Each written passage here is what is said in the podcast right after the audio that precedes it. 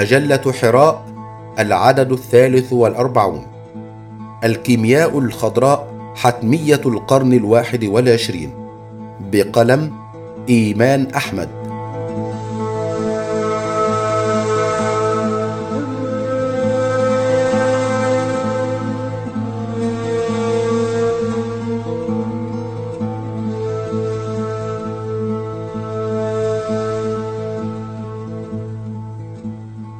ما يشهده العالم اليوم من تلوث بأشكاله المختلفة من انبعاث غاز ثاني أكسيد الكربون إلى استنزاف طبقة الأوزون إلى الاحتباس الحراري والتغير المناخي وما نتج عنه من كوارث طبيعية جعل الباحثين يدرسون كيفية التخفيف من أضرار الملوثات وخاصة تلك المتعلقة بالصناعات الكيميائية ووضع تشريعات وقوانين لاستخدام آمن للمواد الكيميائية يعد الكتاب المنشور لراشيل كارسن تحت عنوان الربيع الصامت سنة 1962 جرس إنذار مبكر للمجتمع الكيميائي للأخذ بعين الاعتبار سمية المركبات الكيميائية وخطرها على الإنسان وعلى الأنظمة البيئية.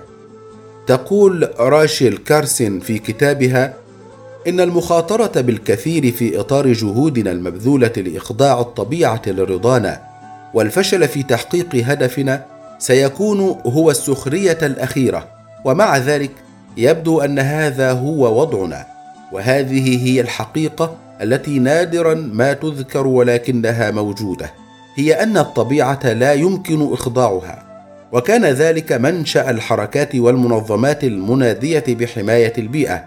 لكن كل الجهود والطرق المقترحة لم تكن كافية للحد من الوضع الكارثي الذي ينذر بأن الأرض لن تكون مكانا آمنا للعيش خلال هذه الألفية. إن الفجوة العميقة الموجودة بين الوضع البيئي والوضع الصناعي والاقتصادي لا يمكن الحد منها وتقليصها إلا من خلال تطوير وتبني علم جديد سمي بالكيمياء الخضراء. الذي من شأنه البحث عن وسائل نظيفة وصديقة للبيئة للحيلولة دون زيادة تردي الوضع البيئي، وإن المنتظر من هذا العلم حاليا توفير هذه الاحتياجات دون الإضرار بالبيئة والإنسان. المرحلة الجنينية مرت الكيمياء الخضراء بمراحل عديدة، لكن قبل ظهورها الفعلي في تسعينيات القرن الماضي سبقها الكثير من الدراسات التي شكلت الأساسات المتينة التي بني عليها هذا العلم الجديد والتي نرى بأنها كانت البدايات المبكرة للكيمياء الخضراء. إن ظهور فرع جديد في الكيمياء المسمى بالكيمياء الضوئية على يد العالم جياكومو سيامسيان ودراساته حول استبدال المواد الكيميائية المستخدمة في بدء التفاعلات بالأشعة الضوئية كان تحديا في نهاية القرن التاسع عشر إذ التوقيت كان مبكرا جدا لتؤخذ دراساته بعين الاعتبار في تدريس وتطبيقات الكيمياء. ففي رسالة له إلى الجمعية الكيميائية الفرنسية سنة 1908 يقول سيامسيان إنه لا مجال للشك في أن الإنسان يمكنه القيام بالتفاعلات الكيميائية في المختبر كما تقوم بها الطبيعة وفي شروط مشابهة. في حين يظن المجتمع الكيميائي بأن إنجازات الكيمياء الحديثة تم الوصول إليها بعرض مفرط للقوة.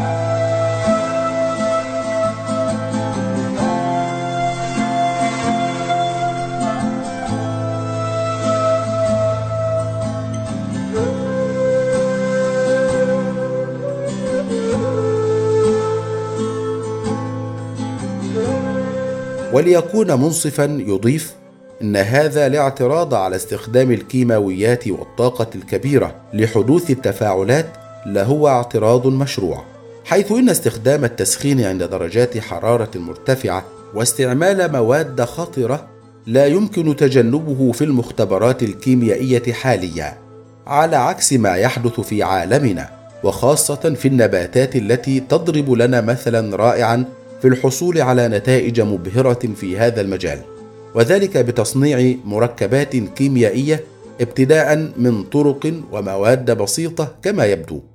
يقول أيضا في هذا الصدد إن فهم آلية وكيفية حدوث التفاعلات الكيميائية في النباتات سيكون من شأنه إحداث ثورة وتقدم في أنشطة الصناعات الكيميائية. هذا العالم كان سابقا لعصره. وتبنى مبادئ الكيمياء الخضراء وهو الملقب بابي الكيمياء الضوئية. كان يرى بأنه يجب أن نحاكي التفاعلات الكيميائية كما تحدث في الطبيعة وقد نجح في تصنيع العديد من المركبات الكيميائية ضوئية. لكن يبدو أن العالم والمجتمع الكيميائي بالخصوص انتظر مدة قرن وأربعة سنوات ليعيد النظر في سياسات التصنيع والاستهلاك طالما اعتبرت الأرض كمصدر أساسي للثروات غير النافذة وكمحطه لتخزين المخلفات في آن واحد دون مراعاة العواقب الوخيمة الناتجة عن ذلك. البدايات الأولى. يعود ظهور أولى أفكار ومبادئ الكيمياء الخضراء إلى بداية تسعينيات القرن الماضي فلم يظهر مسمى الكيمياء الخضراء في الكتب والأدبيات قبل 22 سنة من الآن ويعتبر مؤتمر منع التلوث المنعقد سنة 1990 في الولايات المتحدة الأمريكية نقطة انطلاق للكيمياء الخضراء وتطبيقاتها حيث كانت أهم المشاكل المطروحة هي كيفية الحد من التلوث بأشكاله المختلفة. ومن بين النتائج التي خلص إليها الباحثون أن أفضل طريقة للقضاء على التلوث هو القضاء عليه خلال أو بعد تشكله في أول ظهور قبل انتقاله إلى البيئة حيث يصبح من الصعب القضاء عليه. وهذا ما يمثل نقطة اختلاف بارزة ما بين كيمياء البيئة والكيمياء الخضراء. وفي سنة 1991 بدأ اعتماد برنامج وسياسات الكيمياء الخضراء في الولايات المتحدة الأمريكية. أما في بداية النصف الأول من سنة 1990 أطلقت كل من إيطاليا والمملكة المتحدة برامجها الأولى بالإضافة إلى اليابان التي انضمت إلى الدول السابقة خلال النصف الثاني من نفس العشرية.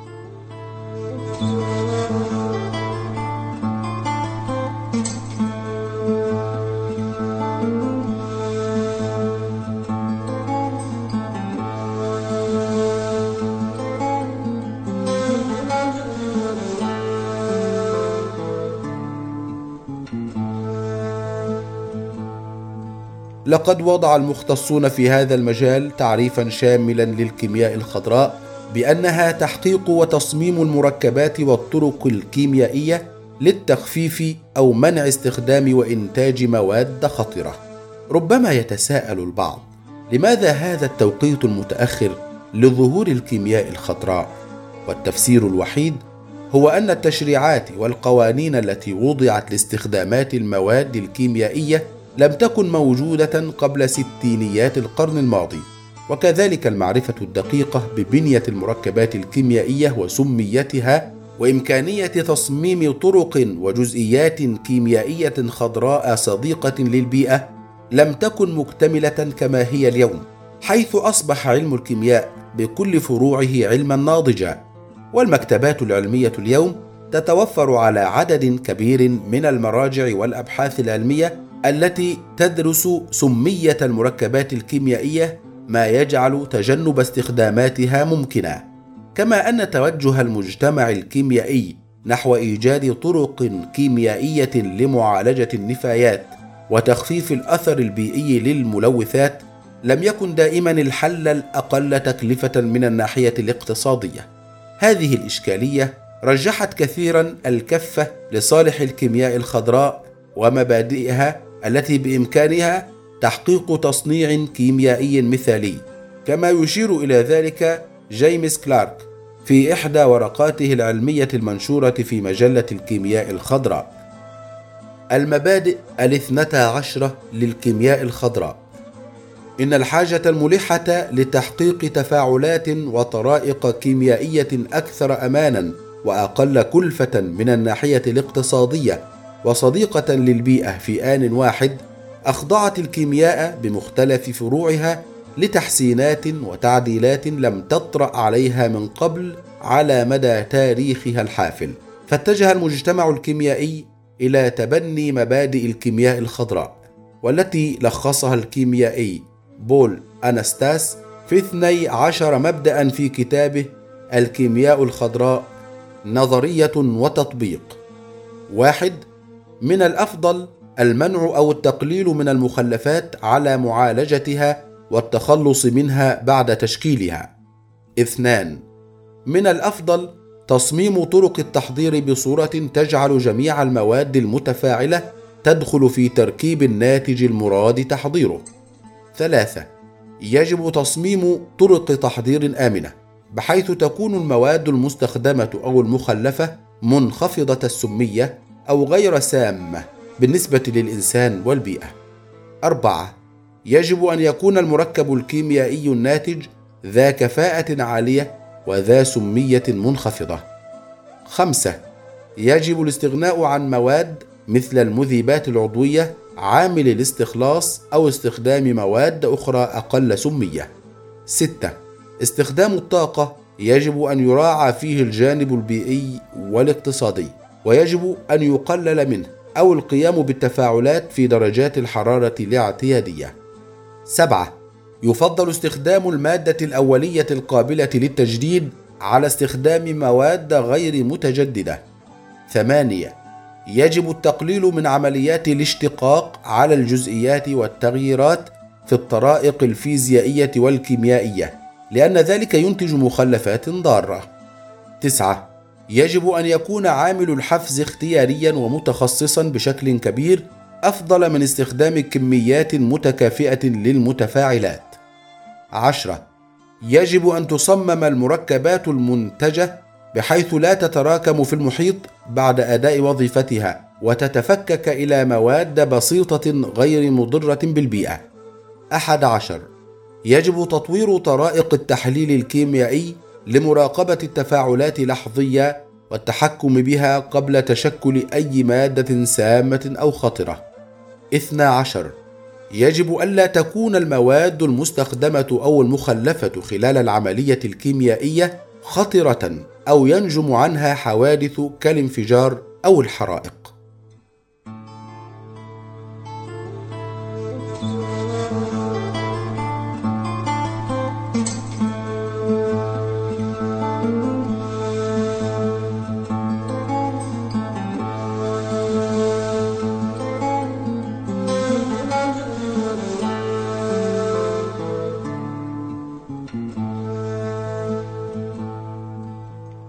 مستقبل وتحديات. حققت الكيمياء الخضراء تقدما ملحوظا في السنوات الأخيرة حيث أصبح من الممكن استبدال المذيبات العضوية التقليدية في التصنيع وطرق الفصل الكيميائي بمذيبات خضراء صديقة للبيئة. ومن الأعمال المتميزة في هذا المجال استخدام ثاني أكسيد الكربون في الحالة المائعة عند درجة الحرارة فوق الحرجة في التصنيع والفصل الكيميائي. ومن أهم مميزاته أنه لا يتأكسد في هذه الظروف مما يجعل استخدامه في تفاعلات الأكسدة ذا قيمة كبيرة. استخدام المخلفات النباتية لإنتاج مادة الليجنين المستخدمة في العديد من تطبيقات الكيمياء. وبذلك نجعل مخلفات اليوم مصادر لمواد أولية آمنة لصناعات الغد. كما نضيف جهود الكيميائيين الباحثين في تطوير طرق كيميائية نظيفة كتقنية الميكروويف والموجات فوق الصوتية في التصنيع الكيميائي. هذه التقنيات تعمل على تحقيق مبدأ اقتصاد الذرات والفعالية الذرية. كما أن التفاعلات تتم في وقت قصير أو يمكن القول في مدة خيالية من دقيقة إلى عشر دقائق. ويكون مردود التفاعل كبيرا بالمقارنة مع الطرق التقليدية. التأسيس لسياسة تعليمية لتعليم الكيمياء الخضراء في الجامعات وإدخالها في البحوث العلمية الأكاديمية وربط هذه الأخيرة مع الاقتصاد ومتطلبات الصناعة والسوق بالإضافة إلى إيجاد بدائل صديقة للبيئة ذات كفاءة عالية تساعد على التخلص النهائي من المواد الكيميائية الخطرة وتراعي في نفس الوقت الجانب الاقتصادي. وهذا كله يعد من أهم التحديات التي يواجهها الكيميائيون في هذا المجال. الحاجة إلى محاكاة الطبيعة. لقد كانت الطرائق الكيميائية ومخلفاتها تعرض الإنسان والبيئة لمخاطر لا تعد ولا تحصى. ليس العيب في المركبات الكيميائية كونها خطرة لكن العيب في طرق تصنيعها واستخداماتها ومصيرها النهائي في الطبيعة كمخلفات. المعادن الثقيلة والمركبات الكيميائية الموجودة في الطبيعة لم تشكل يوما خطرا على الإنسان والبيئة إلا خلال المئتي سنة الأخيرة حيث أصبحت هذه العناصر من أهم المخلفات الصناعية ومن أخطر الملوثات. ذلك كله بسبب طريقة تعامل الإنسان مع هذه المواد إذ إنه أوجد طرقا مختلفة لتصنيع المواد الكيميائية من البناء البسيطة إلى المعقدة. وقد كان ذلك تطورا وتحديا يشهد له لكن بأسلوب مختلف عن ذلك الأسلوب المثالي المتقن الذي تتبعه الطبيعة. إن التفاعلات والتحولات الكيميائية التي تحدث في الطبيعة منذ أن خلق الله الأرض صممها الله عز وجل بطريقة قمة في الإبداع والإتقان كما يقول عز وجل في القرآن المجيد صنع الله الذي أتقن كل شيء. سورة النمل الآية الثامنة والثمانون. من هنا وجب التأمل في خلق الله عز وجل واستخلاص العبر من أدق المخلوقات من البكتيريا إلى النباتات. وهي مثال للمختبرات الخضراء إلى الشمس أشهر مفاعل نووي طبيعي خلقه الله عز وجل. من أجل غد أفضل شهد العالم قفزة نوعية في المجال العلمي مع نهاية القرن التاسع عشر وبداية القرن العشرين حيث سعى العلماء والباحثون لتسخير العلوم وشحذ الطاقات لتطوير التكنولوجيا وتحقيق وسائل العيش المريحة.